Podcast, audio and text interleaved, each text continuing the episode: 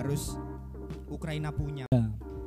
Jadi kalau menetap itu ya dia susah gerak, kalau dia gerak itu diwantem Dia- tetangganya. Kan repot serba salah. ya. Nah, Dilema. Nah, nah, dengan itu saya punya benang merah kayaknya Cak Vladimir Putin ini wong gak kenean. Dan untuk kasus George yang sempat viral hashtag Black Lives Matter kan Black memang Matter. Ya, ya, superior merasa superior superioritas ya pancet aja wong-wong sing ini gitu kok Eh. pancet aja mungkin gitu kita dalam bendera yang sama ya Ya. Nah, tetap saya juga apa menyayangkan Gusman kita Hmm. eh, mengeluarkan kata Assalamualaikum warahmatullahi wabarakatuh. Eh, selamat datang di podcast Poros Pelajar episode ke kesekian kalinya sudah nggak tahu ini ya dari episode berapa. Eh, masih bersama saya Fajar Ramadan yang saat ini kedatangan host baru Mas siapa? Ahmad Awalul Nasrul Huda bisa dipanggil Nasrul dari ranting Wonokasian Kabar-kabarnya juga Mas Nasrul Mas Nasrul ini juga menjabat sebagai wakil sekretaris Sadung ya di PAC. ya. Jadi setidaknya pertanggal podcast ini diambil eh, at least di TV-TV TV saya mayoritas masih menyiarkan pemberitaan tentang Ukraina versus Rusia. ya Kita nggak akan bahas tentang latar belakangnya karena takut. Jadi kita akan bahas tentang sesuatu yang ringan-ringan saja. Jadi sebenarnya ada beberapa dampak ya yang Iya. eh, dihasilkan dari peperangan antara Ukraina dan Rusia itu sendiri. Kalau sampai menilainya ini ada beberapa sih yang perlu eh, kita tilik. Barangkali sampean bisa eh, memahamkan rekan-rekan kita apa sih yang perlu kita mawaskan ini. Ya, sebelumnya disclaimer lebih dahulu. Eh, untuk pembahasan kali ini eh, akan dibahas secara tipis-tipis saja dan Oke. ka- dan gak mungkin secara menyeluruh. Hmm. Nah, dan sudah dijelaskan eh, oleh rekan Fajar tadi bahwa eh, kita tidak akan me- menilik apa penyebab konflik tersebut, Benar. eh, tetapi eh, apa yang diakibatkan dari konflik tersebut. Hmm. dan jelas eh, perang itu kan merupakan apa namanya hmm, Sesuatu hal yang eh, negara itu pasti hindari ya. iya, iya, itu pasti iya. eh, jalan Jelas. terakhir lah kalau kita mau Ah, berantem sama negara itu kan ya Hmm, terakhir gitu kan. tidak ada negara pun yang menginginkan perang kan Benar-benar. Ah, Gabut-gabut perang kan Wah. ngapain juga ya. nggak ma- nggak masuk lah gitu. Ah, oh ya untuk akibat perang sendiri itu eh, bagaimanapun yang terkena dampaknya itu adalah masyarakat masyarakat awam eh, lebih tepatnya yang bukan prajurit. yang ya? bukan prajurit yang bukan tentara Hmm. tapi masyarakat biasa misal pedagang petani atau eh, siapa pun yang eh, berada pada lingkungan masyarakat itu Benar. Eh, dan dampak besarnya eh, pada konflik Ukraina ini yaitu eh, masyarakat di dituntut untuk mengungsi Dari Ukraina ya. dari Ukrainanya. Sebelumnya pernah- apa? eh, sebelum penyerangan ke Rusia, eh, ke Ukraina maksud saya, itu kan sudah dihimbau oleh Rusia itu sendiri bahwa Hmm. untuk warga sipil diharapkan untuk mengungsi terlebih dahulu dan Hmm. dan waktu itu kan waktu pengungsian itu kan banyak sektor juga yang itu dan Sektor Eh, maksudnya dari apa? ya sektor yang terdampak dari akibat pengungsian itu kan ekonomi Oh, iya, iya. misal pendidikan dan itu yang terdampak yang ya. terdampak ya dan kemudian Oke. setelah itu mm, warga mereka dihancu- diharuskan untuk Hmm. mengungsi ke eh, negara-negara Hmm. sahabat atau negara-negara yang terdekat dan itu yang membuat kemudian itu yang berakhir eh, mengakibatkan masalah baru Ya, Nah, ya. masalah baru ini yaitu masalah yang terhubung dalam ras Nah, dan karena ini temanya memanusiakan manusia dari akan dilihat dari sisi rasialnya Ya. Sebentar tapi sebelum kita masuk ke dalam eh, dampak di ras itu memang eh, yang perlu digarisbawahi adalah perang ini Iya.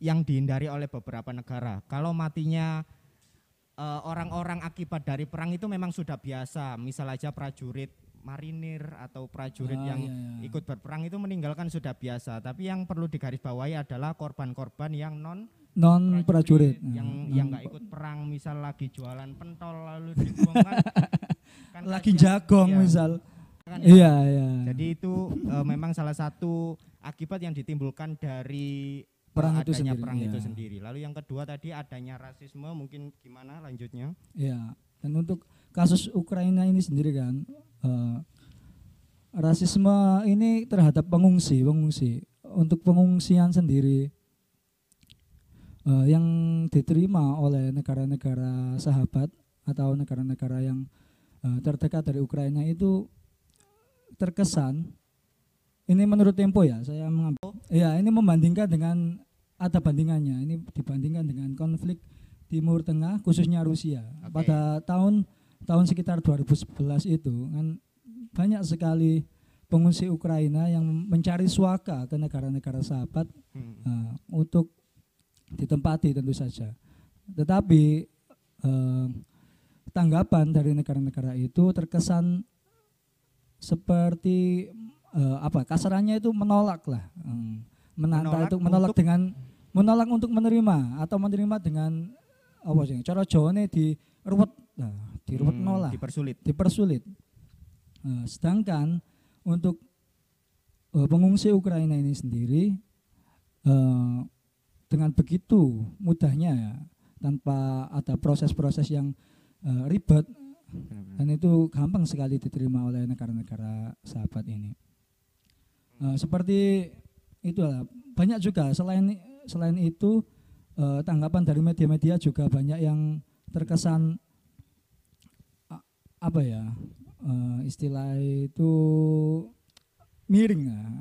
Benar. apa berat sebelah berat Iya. sebelah Karena memang di media juga kan butuh eh, pendengar yang banyak, Iya. makanya dibutuhkan thumbnail yang wah iki sepertinya gak kok ngene deh. Hmm. ada ada yang memang itu pro Rusia karena seakan-akan Rusia itu menginvasi Ukraina dengan cuma-cuma. iya ya Pak Ketu kita sendiri karena saya menyimpan nomornya Pak Ketu kita tercinta sepertinya membela eh, Rusia Ukraina. oh Ukraina bukan Oh, Rusia, mohon Rusia, maaf. Membela Rusia. Dengan dalih beberapa eh, mengklaim bahwasanya orang-orang yang mengklaim apa membela Ukraina itu memiliki logical fallacy. iya Jadi seakan-akan wah ini gak seharusnya kok ngene, iki, gak seharusnya ngene. Eh, dengan itu memang beberapa media yang dihadirkan di Instagram lah, nggak Ya. usah banyak-banyak. Itu juga nggak bisa kita telan premis Mentah-mentah, secuil iya. dengan benang merah yang kita keluarkan. Memang harus kita ini ya. Iya, bagaimanapun memang, telisik. memang peran media tentu sangat penting ya, apalagi untuk eh, untuk apa permasalahan kayak seperti konflik-konflik seperti ini. Benar. Media tentu menjadi eh, baris terdepan untuk memberitakan itu ke seluruh dunia dan eh, bukan untuk saat ini saja. ja- pada saat yang lalu-lalu eh, media merupakan salah satu terpenting untuk eh, apa itu namanya eh, propaganda media untuk Benar, waduh. propaganda ya terkesan seperti dalam part apa? Eh, itu part misal kayak eh, ini ya seperti yang saya pernah baca dulu misal eh, agresi agresi Agresi militer. ya, agresi militer biasanya disebabkan oleh sesuatu hal yang belum jelas eh, belum jelas beritanya hoax Hmm, lah gitu iya. Eh, kan itu serem banget kan ya Iya. menyerang suatu negara dengan dalih hoax wah Bener. itu itu juga susah sih kalau misal kita punya informasi tapi informasinya keliru Nah. sampai sana iku kate balik kucing wis nyerang setengah kan susah juga Oh, wis salah. Iku lah langsung dibresno sak negara pisan. Dan eh kan iki salah nyerang lu wis tutuk Solo iki lho ya apa sih masa mulai Belanda kan ada iki. Lah, iya. Belanda kan ada memang itu eh, media itu enggak harus benar-benar harus kita telisik Ya. matang-matang ya ya Oke, itu oke. seperti ini ada beberapa ta, eh, beberapa waktu lalu waktu awal-awal eh, Rusia menginvasi Ukraina itu disebutkan oleh media New York New York Times New York Times ya, itu. Waduh. kok angel sih ilat-ilat New Jawa. York New Times. York Times ya. NYT itu sangat apa berbeda 180 derajat sama Lamri underscore enggak, Tura beri- berita yang dilampirkan thumbnail lah kalau istilah kali ini thumbnail, Thumbnail. cover majalah itu waktu zaman George Bush menginvasi ya menginvasi Irak ken- ah, itu kan dengan dalih perdamaian tetapi waktu Putin menginvasi Ukraina bukan disclaimer ya bukan apa bukan artinya saya Bukan mendukung membela, Putin ya, ya ya, benar. bagaimanapun peperangan itu ya buruk untuk segala sesuatu hal ya, yang baik. bukan sesuatu hal yang baik bukan sesuatu jalan keluar lah itu ya harus apa hal yang harus dihindari. Tapi itu sangat kentara sekali bagaimana peran media eh, dalam memberikan informasi memberikan yang informasi sebenarnya. yang, ya, yang sebenarnya. Mengandung eh, kepentingan. Nah itu. Nah, itu Eh, dia. mengandung kepentingan politis. Nah, itu yang sangat disesalkan. Dan eh, tentu saja tidak semua masyarakat umumnya dunia itu mendapatkan akses informasi yang layak. Meskipun di era internet dengan arus Hmm. informasi yang sangat cepat Iya, ini benar.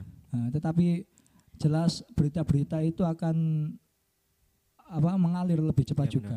Kalau kita bicara media juga di Indonesia sendiri kan tidak mengalami pemerataan yang cukup tentang iya, penerimaan iya. media. Katakanlah eh, di satu daerah tertentu membaca eh, berita yang full aja kadang kita salah paham. Ya, benar, benar, Apalagi yang setengah-setengah Setengah-setengah. sudah setengah-setengah dipelintir lagi. benar. Wah. Saya itu saya suka. ya. pernah di part ya gini. Wah, ini Rusia kok kok gini sih? Iya, Gitu. iya. Pernah pernah di part kayak gitu. Tapi setelah saya baca-baca dan eh membaca juga referensi dari Mas Udin, saya juga sedikit paham. Ternyata eh, ada beberapa poin yang perlu kita pahami terlebih Iya. dahulu untuk untuk mencerna bagaimana sih sebenarnya kejadian ini. Terima kasih Mas Roy telah diingatkan Mik Jaya. Nah, dengan itu kalau kalau kita berkaca, semakin kita tahu referensi suatu hal, sebenarnya kita juga mengurangi untuk menyalahkan yang lain. Iya, ya. Eh, seharusnya apa bukan memandang suatu konflik saja, memandang segala hal itu harus di dilihat dari banyak sisi ya. Benar. Ter- Terutama per- seperti perang eh, apa invasi Rusia ke Ukraina ini tidak tidak bisa dilihat dari eh, sisi eh, Ukraina misalnya. Benar. Eh, Jadi ti- bisa dilihat dari sisi Amerika. Saya pernah kemarin menjumpai eh, kalau di Instagram itu namanya resistance.id itu membahas konflik-konflik tentang itu. Jadi memaparkan eh, apa sisi apa jenenge perang perang tersebut invasi tersebut Oh, dari iya, iya, berbagai perang. sisi dari dilihat dari eh, sudut pandang sudut pandang Rusia sebagai itu sudut pandang Hmm. Ukraina dengan sudut pandang Hmm. eh, Amerika Hmm. Amerika mungkin sebagai eh, anggota NATO Ukraina kan itu mau bergabung dengan Mau, NATO itu. masih mau calon, masih calon. masih calon bukan sudah bergabung ya itu mungkin Tapi kalau ngomong-ngomong dalam organisasi internasional ya, ada juga namanya itu ICRC. Jadi itu semacam eh, palang merah internasional Iya, iya. gitu.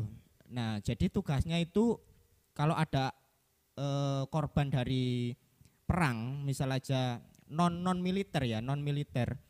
Beliau itu kehilangan keluarganya. Misal aja kalau nenek-nenek ataupun anak yang sudah kehilangan ayahnya yang berperang, itu ICRC berperan untuk menjaga kemanusiaan di situ. Tetapi ada beberapa part yang mana ICRC dalam tanda kutip tadi palang merah internasional Iya. tadi susah untuk mengakses bagaimana korban-korban ini mendapatkan info yang jelas. Hmm. Gak hanya konflik-konflik, kalau sampai tahu di Amerika ada penjara namanya Guantanamo, ya itu penjara ngeri sengeri-ngerinya. Jadi ada ya namanya interogasi. Kalau diinterogasi di sini ngomong wah interogasi di Indonesia ini jahat. Ada di Guantanamo itu sampai dibekukan gitu loh. Aku mau curiga guys bedano kebab frozen wah tuh uang lah ya iku apa jenenge patut dicurigai engko nanti kok es batu pas ditugel isine driji waduh kan ngeri banget Sampai itu itu banget karena memang kemanusiaan yang maksudnya yang positif-positif saja susah untuk dapat akses ya dalam ranah-ranah konflik di dalam ranah-ranah yang mana itu salah. Bukan salah sih apa namanya ya? Kurang baik. Kurang baik. Kurang baik ya.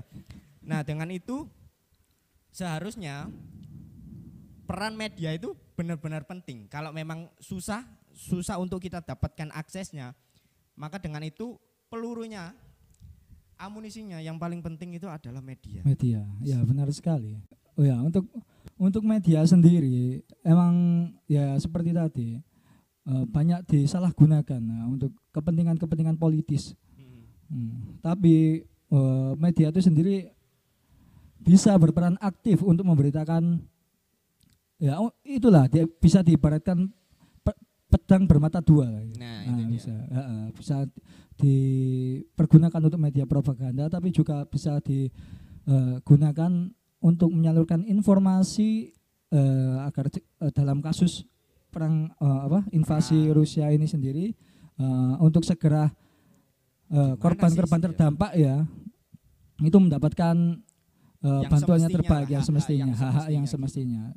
Dan juga misal ada misal ini ya misal ada kejahatan perang itu bisa lebih meminimalisir dengan adanya media. Ya meskipun ya kesannya itu sangat berat sebelah sekali misal save save Ukraina hashtag save Ukraina itu kan sampai sampai hari ini mungkin ja- tetap jadi trending Twitter trending lah di mana Apa Mas Chef Ukraina itu?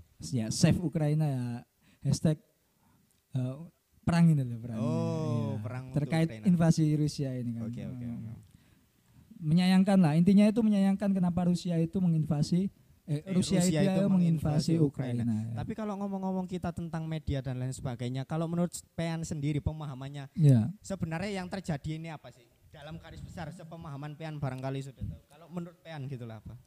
oh ya ini saya hanya mengutip ya ini ya Eh, eh, konflik Rusia Ukraina dan ini seperti eh kan ini pertama kali itu ada namanya itu rep- eh, wilayah wilayah di Ukraina itu yang menginginkan apa apa itu jenenge Eh, memisahkan diri maksudnya meminta itu Untuk R- lepas. ya lepas eh, Repu- Donetsk itu Iya, iya. sama pokoknya dua wilayah itu dan kemudian eh, itu yang me- menempatkan Hmm. eh, Rusia bisa menempatkan eh, militernya ke wilayah-wilayah itu Hmm. pertama kan eh, dengan itu latihan nah, latihan dan kemudian oh, ya ini mohon maaf Eh, dan salah satu yang menyebabkan itu adalah Rusia mengakui negara pertama yang mengakui kemerdekaan dari dua wilayah tersebut. Nah itu Ukraina. agak iya, tadi?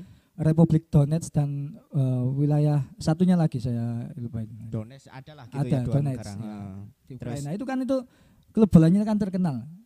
Hmm. Nah, Shakhtar Donetsk.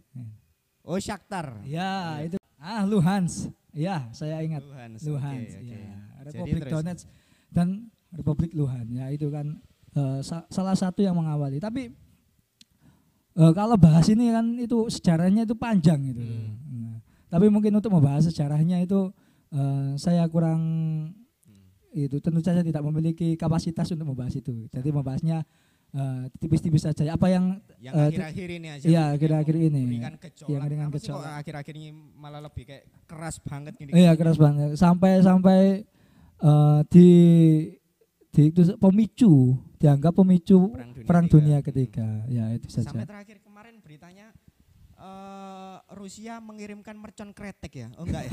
Bukan mercon bombong. sampai mengirimkan beberapa amunisi yang berapi ya sampai ya. ya itu mungkin itu apa Ukraina mendapatkan suplai mendapatkan suplai atau bantuan dari negara-negara sahabatnya itu. Heeh. tetapi juga sangat berdampak bagi Rusia juga. Hmm. Eh, bahkan banyak eh, negara-negara yang memboikot lah istilahnya itu, Hmm, memboikot eh, Rusia dari segala hal, ekonomis, kemudian Hmm. sektor sektor-sektor yang lainnya, dan itu juga sangat merugikan Rusia tentu saja. Nah dengan itu saya punya benang merah kayaknya Cak Vladimir Putin ini wong gak kenean. adalah pribadi, Senggol senggol bacok itu. adalah pribadi yang gak kenean. Dengan itu juga presiden dari Ukraina juga sepertinya seperti itu. Ya. Iku wis gak terima gak kenean iku wong. Iku kayak apa ya? Wis. repot lah nih musuh gak kenean iki ya. Orang sama-sama orang gak kenean kalau Mm-mm. disatukan juga akan susah untuk mendapatkan benang merah yang mestinya. Ya, seperti kutub negatif dan kutub negatif kan. Eh, itu saling Iya. bertentangan. Jadi poinnya adalah memang eh, dalam perang Ya. Itu adalah sebuah hal yang tidak diinginkan siapa pun itu menjadikan jalan yang terakhir. Iya. Ada beberapa korban yang dihasilkan dari perang. ICRC juga berpihak di situ, tapi ada beberapa kunci yang bisa kita tekankan yaitu adalah peran dan dari media itu Dari sendiri. media ya. Peran media dan dan isu rasial itu tadi. isu rasial dan juga itu adalah eh, sebagai indikasi bagaimana masyarakat-masyarakat ini menerima pemberitahuan yang baik. Ya. Oke oke. Tapi ngomong-ngomong tentang eh, pelanggaran-pelanggaran tentang kemanusiaan, ada hashtag yang digencarkan yaitu memanusiakan manusia. Hmm. Kalau kita berbicara tentang itu, Indonesia juga punya masa lalu yang kelam.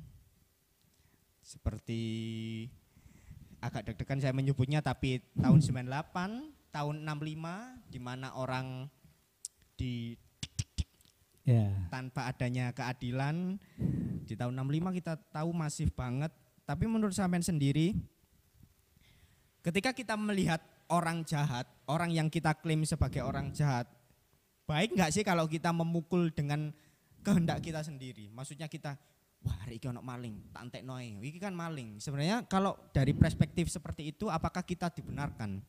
Eh, bagaimanapun eh, hal yang melatar belakangi seseorang berbuat jahat itu kan ada beberapa faktor, faktor internal dan eksternal. Faktor internal itu sendiri eh, terkait dengan lingkungan, Hmm. eh, maksudnya ya lingkungan, keluarga, keluarga terutama Ya, itu pergaulan gitu lah ya. pergaulan eh, itu- yang sangat eh, melatar belakangi seseorang untuk eh, berbuat kejahatan dan juga eh, faktor eksternal itu juga seperti ke- ha- apa- namanya kebutuhan nah, kebutuhan. Faktor itu. internal faktor itu. oh ya faktor internal Hmm. kebutuhan kebutuhan kebutuhan itu- Ekonomi ekonomi ya? tentu saja Hmm. itu eh saya rasa itu yang meneterbangi sebagian besar kejahatan yang itu faktor-faktornya ya. faktor-faktornya ya dan tentu saja kalau kata Bang Nabi ya Hmm. hmm, adanya kesempatan untuk berbuat jahat ya Adanya itu itu kesempatan ada untuk kesempatan jadi Oke, oke. setiap manusia itu kan di dalam hati nuraninya itu kan tidak ada yang ingin berbuat jahat meskipun seseorang Hmm. berbuat jahat misalnya itu Benar. pasti ada pertentangan batin Nah, ada pergolakan di hatinya tetapi apa yang menyebabkan seseorang itu lantas sampai melakukan perbuatan jahat tersebut dan itu kan perlu di runut lebih dirunut lagi. lebih la- lagi dan tidak kita tidak bisa menjudge seseorang itu dengan uh awakmu salah. Hanya dengan yang hanya apa dengan yang apa yang kita lihat iya. itulah. Memang kita sebagai manusia tentu saja eh, dengan memanusiakan manusia itu berbuat jahat itu kan tentu saja bukan kehendak kan itu. Hmm. meskipun ki- kita sadar untuk berbuat jahat tetapi itu kan eh, eh, karena faktor mungkin tekanan tekanan terdesak gitu lah terdesak ya ya tidak mungkin kan moro-moro iseng-iseng nyebet toro nyebet wong. Karena kalau kita TK pun kamu cita-citanya apa? Kayak aku enak maling deh, kamu mungkin juga kan ya. Iya. Hmm, dan jad- juga eh, mana ada sih orang jahat eh, meskipun apa jenenge orang-orang yang melakukan tindak kriminal misalnya Hmm. maling contohnya itu kan eh, yang menginginkan anak turunnya nanti jadi maling Hmm. Oh wis, anakku jadi maling aja wis lho cara kasar hati gitu. Kenapa kamu jadi maling? Maling kan passion, Wah, passion tuh. aduh. enggak ya. Jadi memang ada dorongan ya, ada desaan yang sehingga mereka itu berbuat seperti itu ya. Iya tentu saja itu Hmm. Karena kalau eh, yang beberapa literatur yang saya baca, kalau orang-orang di penjara itu keinginannya cuma satu, bebas, bebas dan dia itu diberi kesempatan beraktivitas seperti dulu lagi, ya. seperti nggak ada nggak ada kejahatan dan lain Hmm. sebagainya. Tapi masalah utamanya adalah ketika bagaimana masyarakat ini menjudge tadi, wah iki capete maling, maling ojo kerja nang kene, ojo nang kerja, ojo diterima kerja. Se- itu stigma stigma negatif pasti Stigma, tertempel ya, stigma pasti akan menempel. eh, kita katakanlah orang yang pernah berbuat salah atau jahat itu, Nah, dan itu yang akan sulit dihilangkan. Meskipun, ah ini ada sesuatu yang yang menarik ya. Meskipun seseorang berbuat baik eh, 100 kali pun, Mm-mm. eh, kemudian orang itu berbuat eh, salah satu kali perbuatan baik yang 100 kali itu tidak akan eh, tidak akan dipandang. Dia Hmm. se- masyarakat itu akan eh, terkesan memandang iya, tadi yang kejahatan satu kali lagi. iya. Oke oke. Itu ada bisa dicontohkan dengan eh, kalau di saya pernah dilihat di YouTube atau di media yang seliweran di Instagram atau Twitter Joki. Pardede yang berbicara Joki Pardede. Iya bisa bisa itu juga. Nah, kalau kalau kita lihat tadi ya. Jadi misal aja yang tadi mantan-mantan penjahat tadi Iya. bebas tapi tidak diterima masyarakat, dia bergaul di sana nggak nggak diterima, dia kerja di sana nggak Nggak terima. Di lingkungan mana pun nggak diterima, termasuk di keluarganya. Salah satu jalannya yang keluar adalah dia berkumpul dengan orang-orang yang jahat tadi, Iya. circle-circle gelapnya tadi. Dengan itu, eh, menurut saya secara pribadi, masyarakat yang semacam ini malah eh, menambah adanya orang-orang yang berbuat jahat karena nggak diterima lagi. Saya bukan membela orang-orang yang jahat, ya. tapi apa salahnya juga memberikan kesempatan kepada, Dua kali ya. apalagi kalau kalau eh, kejahatannya itu seperti mencuri mangga, Nah, mencuri kayu yang sudah jatuh, kan ada ya akhir-akhir ini Iya, untuk intermezzo saja ya, apa? Mm-mm. eh, banyak juga yang apa kejahatan bukan kejahatan sih, mungkin itu karena hal tadi terdesak ya mungkin. Mm. Oh iya, ada yang terbaru lagi itu. Eh, seseorang ART mencuri HP HP majikannya karena tentu apa tuntutan ekonomi memenuhi kebutuhan dan dan ini mungkin salah satu kejadian satu dari sejuta mungkin. Dengan ha- eh, akhirnya itu diselesaikan dengan apa tetap tetap melalui proses hukum. Tetapi sangat ini saya rasa sangat relate dengan tema memanusiakan manusia dan jaksa. Eh, akhirnya membebaskan itu. Dan kemudian yang melaporkan itu tadi juga merelakan dan Hmm.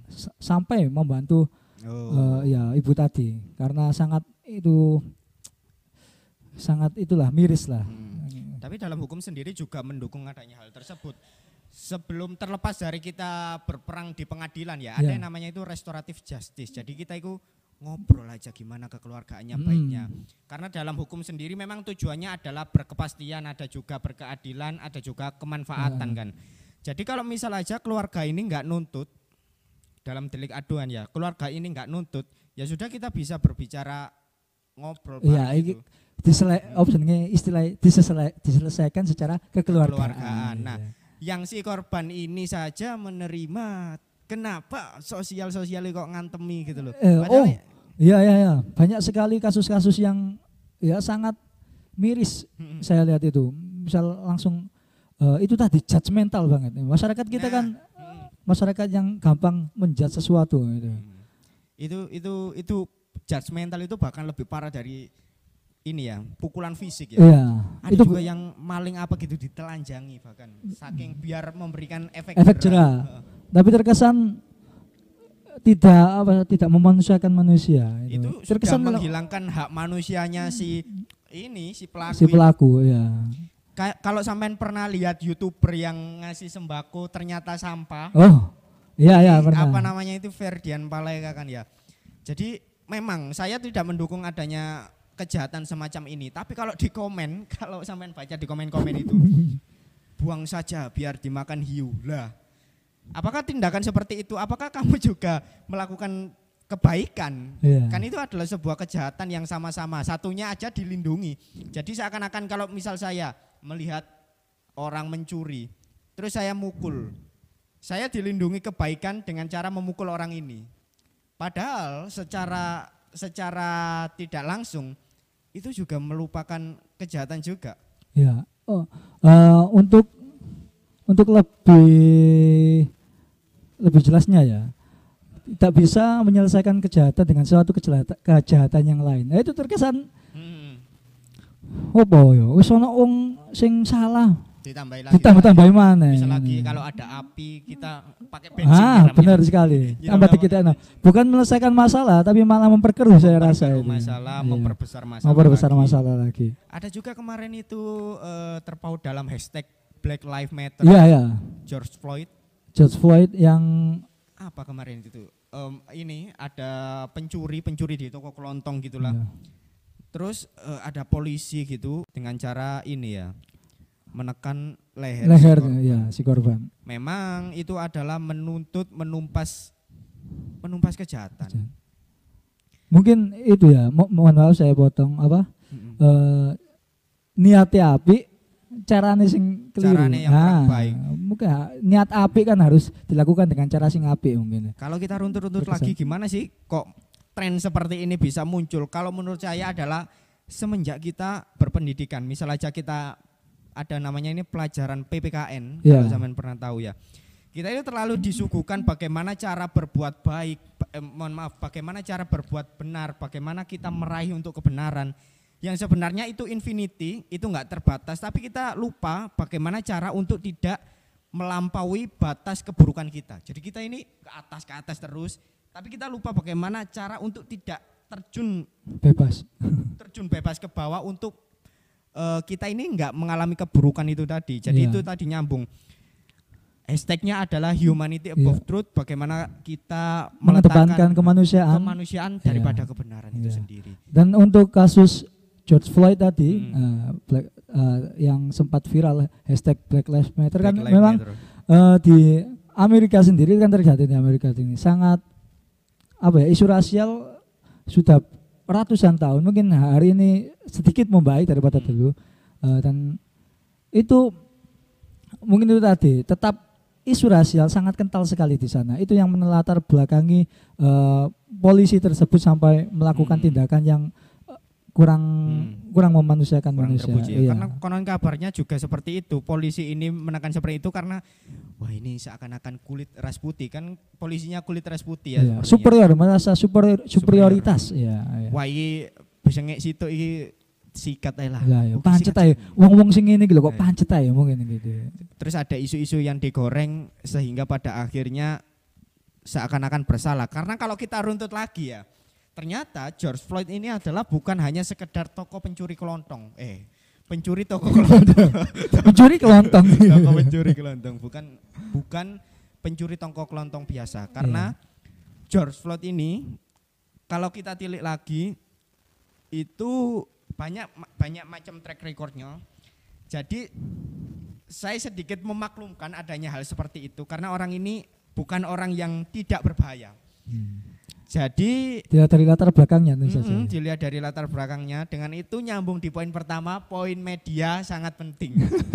Semua. Seakan- Iya, berkaitan apa pun itu mungkin ber- pemberitaan, pemberitaan yang bagus, eh, apa, pemberitaan yang berkualitas. yang berkualitas itu kan memang kita harus apa pandai-pandai memilah itu sendiri. Bagaimana tidak tidak gampang eh, oh ternyata langsung ngejudge berita kok ngene ya, Langsung kabeh-kabeh ku berita koyo ngono. Kita tapi tetapi harus tetap mencari referensi, referensi Benar, yang lain, eh, apa yang melatar belakangi itu, bagaimana latar belakang eh, pelaku ini, bagaimana latar belakangnya berbuat Hmm. apa membuat kesalahan itu tadi. Karena kenapa saya berani bicara seperti ini? Karena dulu saya adalah pelaku orang seperti itu. Maksudnya saya itu sering menjudge orang lain Iya, iya, konservatif. judge. Karena saya tahu satu hal, kenapa or, kenapa saya melakukan hal seperti itu? Karena saya kurang referensi. Beberapa tahun saya belajar, belajar, belajar, belajar beberapa hal. Dulu itu saya sampai pernah di part ya. Rasis itu sampai rasis tingkat agama itu. Ada teman saya satu orang Kristen, saya krecei sampai Makanya dengan itu saya berani ngomong seperti ini karena saya adalah pelaku dari orang-orang yang menjudge, Ya, orang-orang yang mengalami sendiri lah. Bu. Mm-mm. karena makanya dari itu saya berani Bisa apa melihat sudut pandang dari eh, yang gampang menjudge itu tadi. Hmm. Iya. Dan untuk emang perilaku apa namanya itu? eh, quick judge, judgmental quickly ya. Wah, cara bahasa Inggris aku lali, Mas. Apa-apa. Judgmental. Pokoknya judge, eh, menjudge terlalu dini lah. Itu sangat eh, perilaku yang cara arek saya itu toksik lah gitu. Itu Hmm. dihilangi. Tidak buruk. Buruk bagi eh, diri kita sendiri dan buruk tentu saja buruk Hmm. buat berdampak sangat buruk terhadap orang lain. Tapi kalau ngomong-ngomong soal toksik saya tuh paling nggak suka orang itu yang nggak mawas diri. ya. Terlepas dari orang yang nggak mawas diri adalah orang yang toksik. Nyambung tadi ke materi yang kedua, eh orang yang sering menyalahkan orang lain adalah orang yang kurang referensi. Itu adalah pendapat saya. Karena saya adalah pelaku dari itu, makanya saya berani ngomong seperti ini. eh mungkin sampai sering mendapati orang-orang di Instagram bagaimana kualitas orang itu tergantung bagaimana dia berkomentar. Ya, benar sekali. Eh, apa apa yang kita keluarkan itu kan eh, buah dari apa yang kita peroleh. kan Hmm. itu. Bagaimana kualitas itu kadang ada gini. Saya juga takut akan ngomong ini ya. ada komen eh, postingan tentang isu di Papua. Isunya ini redaksinya tentang Papua, tapi ada yang komen, ah, memang isunya ini sering terjadi. Wong presidennya lah, apa buane presiden diomongno Nah, ya. ambek Papua. Enggak itu apa jenenge menurut saya itu eh emang dari tidak ketidaksukaan orang yang Hmm. komentar itu terhadap pribadi seorang presiden itu sendiri dan menghubungkannya kan sangat kasar sekali. Maksud saya eh, kok iso loh mana-mana dihubungno ambek ambek isu Papua gitu loh. Dan gak ono kok Hmm. apa nggak ada Hubungannya, konek- korelasinya. iya korelasinya sama sekali Tapi itu emang- murni murni ketidaksukaan seseorang tersebut Pure ya? pure ada juga teori kalau kalau orang nggak suka itu semua semuanya itu dicap buruk. ah ya Misal aja saya nggak suka Pak itu ya kan, saya nggak sebut Pak Presiden Zambia itu kan ya Zimbabwe Zimbabwe. Saya nggak akan suka apa pun yang beliau gencarkan, yang beliau gumamkan. Hmm. Itu sudah tertanam kayak di hati nurani orang iki adalah antagonis. Jadi mungkin seperti itu. Nah, kalau orang-orang yang komentar seperti wajahnya seperti itu tadi, sepertinya dia itu ingin ingin komentar buruk tapi bingung gimana akhirnya nemu ini wah iki lah tak lempar gitu gak sih Iya, itu itu wis gitulah, wis emang orang-orang yang hatinya wis wis kotor lah istilahnya iku. Kotor Sing dan gak gak seneng ambek wong ku kan ya wis gak seneng sak sembarange. Mm-mm. Betul apa jenenge sing sampean sampeaken, Mang. karena itu tutup nyambung juga di podcastnya Deddy Kobuser juga bilang ada hashtagnya itu don't make stupid people famous Iya, iya. kalau di Instagram di Instagram seperti itu kalau ada isu itu enggak enggak menyelesaikan misal Mal- aja kalau ada solusi Iya, dikasih iya. solusi dikasih saran kritik kritik dengan hate speech kan beda ya Belum sangat beda sekali. kritik itu yang istilahnya membangun gitulah ya kalau hate speech itu ya Wis gak seneng tok ya "Ah, istilahnya. ini kok ngene sih yui ngecaci ngecace. dong. Nyinyir, nyinyir istilahnya iki, nyinyir Nah, tok. Kalau menurut saya eh, makanan-makanan dari orang-orang yang dalam hashtag don't make stupid stupid People famous. stupid Iya. people itu adalah cari panggung, Ya, riding the moment, riding the wave. Cari-cari quotes kan banyak. Janganlah kamu seperti ini, itu adalah perilaku yang haram. Dengan Ah. itu makanya nyambung orang-orang di luar sana sudah konfliknya itu setara perang-perangan Rusia versus Ukraina. Kalau di kita mungkin masih menentangkan hukum kumur pakai ST itu halal apa haram. Nah, itu kayak, kayak itu itu. apa kalau makan bubur diaduk apa enggak diaduk Nah, gitu. Iya, pembahasan-pembahasan receh gitu. ya. Pembahasan-pembahasan yang gabut, Gabut, sebenarnya ya. lah orang-orang gabut. Kemarin juga ada tentang apa ini? Toa, Oh iya, ya kan? Bapak Menteri Gus Gusmen kita. Gusmen kita dari bendera hijau kita diserang oleh sahabat netizen katanya tidak manusiawi, Hmm. katanya jangan injakkan tan- kakimu di tanah kami. Mumbul lah Oh, ya itu sangat berdampak terutama banyak digoreng digoreng digoreng oleh media. media ya, Lampion media sosial. struktural. Ya, yes, gitulah Mas. Mm-mm. Eh, dan sedikit tentang toa sedikit sekali. Mungkin itu kita Takut juga. enggak enggak kita saya juga takut sebenarnya. Tapi apa kita harus menyikapi bukan karena kita dalam bendera yang sama ya. Ya. Nah, tetap saya juga apa menyayangkan eh Gusman kita Eh, mengeluarkan kata-kata eh, mungkin analoginya itu kurang sedikit ya sedikit kurang tepatnya. Tetapi dalam di luar itu konteks eh, konteksnya itu kan bukan menyalahkan adanya. Benar. Iya, tapi Bagaimana cara melindungi orang-orang yang nggak sepaham, yang nggak seamin dengan kita, iya yang nggak seiman gitu. dengan kita. Bukan gitu. tentang adan. Bagaimana bisa menurut logikanya kan? Bagaimana bisa kita seorang muslim kemudian eh, me- mau tidak suka dengan dengan syariat dengan itu apa agama kita sendiri kan itu Hmm. logikanya bisa dirunut dari itu Mungkin saja. tujuan dari beliau itu cukup baik. Seperti eh, gimana sih cara orang-orang yang non muslim ini biar nggak terganggu gitu kan. Ya. Tapi cuma menurut saya secara pribadi nih ya, perkataan-perkataan beliau itu adalah perkataan internal. Maksudnya yang bisa dipahami. Mungkin itu adalah sebagian dari Ya gimana caranya beliau ini menempat jokes ini pada tempatnya, pa- pada orang-orang yang tidak tersinggungan. Ya. Ada dengan itu memang kembali lagi peran media ya kan, peran media cukup penting karena di thumbnail-thumbnail yang saya baca itu gini mas redaksinya, Astagfirullah, tanda seru tanda seru gitu. Loh. orang ini orang ini menyamakan azan dengan suara anjing. Iya, itu kan emang apa redaksi yang digoreng, potongan-potongan video, kemudian disambung dengan Potong-potong, dipotong-potong disambung-sambung, disambung-sambung dikasih background, dum, ya kan, gitu kan. apa agar terkesan dramatis. Padahal kalau saya saya runtut full full video, ya, tapi komen-komen dari yang ada di eh, potongan-potongan video itu wah ngeri. Iya. Itu setara dengan pelanggaran kemanusiaan itu Pelanggaran- saking ngerinya. Sampai Iya. ada satu komen yang saya baca orang ini nggak mungkin Kak, iya kalau lihat komen-komen itu sangat ngeri sekali ya. Bagaimana bisa eh, orang-orang itu sampai mengeluarkan eh, kata-kata yang seperti itu gitu. Hmm. Saya sangat menyayangkan sekali itu. Itu. Bagaimanapun eh, kalau kita lihat dari sisi yang mungkin komentar itu Hmm. kan dia sangat membela. Mungkin koyo karpe ku membela agama ngono ya Hmm. melu agama ya. Wah kok agamaku di elek-elekno rek? Syar'i ku di elek-elekno eh kesane koyo berbuat baik. Tetapi apa yang dilakukan kan sebenarnya malah terbalik dengan apa yang diniatkan. Iya. Ya apa ambek tambah komen-komennya koyo ngono.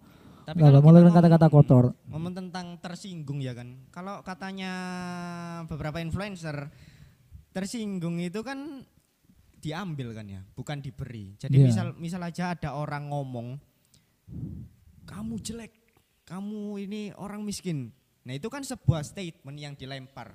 Tergantung kita Kak sih. Kalau kita mau tersinggung ya kita ambil. ya Kalau kita ki- ya udah kita pilihannya ada dua. Kalau kalau ya kita terima atau, atau enggak, dia ambil gak, gak paten, gak, gak, gak, gak- Iya sebenarnya kan kita itu tadi kita itu apa berhak menentukan sebuah pilihan kan. benar benar banget. Nah, tentang apa eh, apa yang kita ambil, apa yang kita pilih maksud saya. Ya.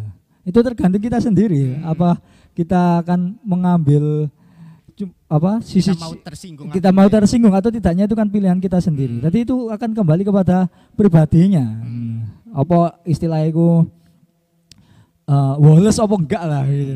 tersinggung itu emang diambil ya diberi. Iya. Jadi itu tadi rekan-rekan kita eh, peran yang paling penting garda terdepan kita memang adalah media ya. Media. Iya. Beberapa pun seberapa pun besarnya, seberapa pun rumitnya, itu memang peran pentingnya media itu sangat penting. Iya. Bagaimana caranya eh, informasi ini di share sejelas-jelasnya, kalau nggak sejelas-jelasnya ini sebenar-benarnya gitulah. Benar aja lah itu minimal. Hmm. Kalau misal aja jelas tapi redaksinya keliru kan ya sama aja kayak tadi Rusia versus Ukraina. Terkaan saya di awal ya seperti itu. Bedebang ini sih. Rusia kok kok gini sih. Ya, kok tiba-tiba menginvasi. Saya juga sempat mikir gini mas, kalau mungkin ke depannya ya kan, naudzubillah min dalik, perang ini, invasi ini melebar sampai hingga pada perang sampai Indonesia itu Katut terkena, tuh. terkena dampaknya. Saya itu sampai pernah mikir seperti itu. Kita takbiran ya kan, Moro-moro. ya. mercon itu bukan mercon tapi Rudal ya kan. Allah. Dar, Naudzubillah. dar. itu memang media ya teman-teman eh, Iya. peran Peran media, penting, peran penting media terkait dengan eh, isu kemanusiaan ini mungkin. Oke, itu tadi adalah eh, Poros Pelajar episode yang kelima bersama saya Fajar Ramadan. Dan saya Ahmad Awalul Nasrul Huda. Selamat eh, mendengarkan kembali di episode-episode selanjutnya. Wassalamualaikum warahmatullahi wabarakatuh.